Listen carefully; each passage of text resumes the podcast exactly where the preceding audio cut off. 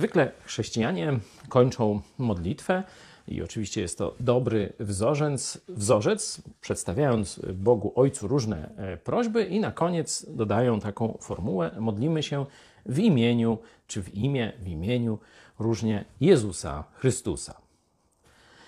Warto nie powtarzać tego mechanicznie, tylko zadać sobie pytanie, co to znaczy.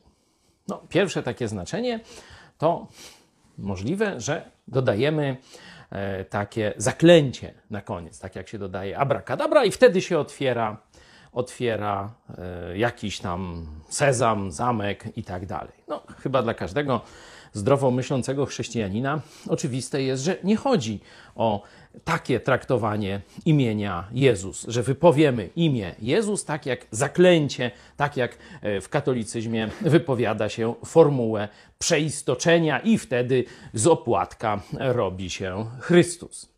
Jakie jest więc drugie, czyli prawidłowe znaczenie tej formuły?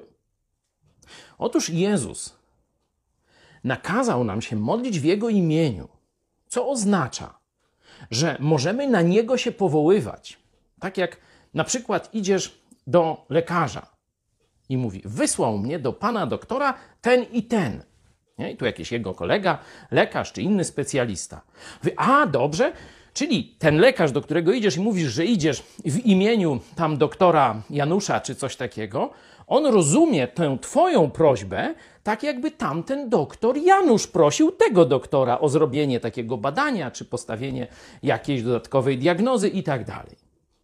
Kiedy mówimy, że modlimy się w imieniu Jezusa, to twierdzimy, że to, co mówimy do Boga Ojca, mógłby powiedzieć w naszym imieniu sam Bóg Syn, Jezus Chrystus.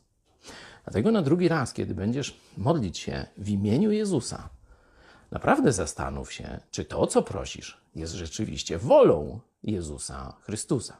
Wtedy możesz mówić: Modlę się w imieniu Jezusa Chrystusa, Boże Ojcze.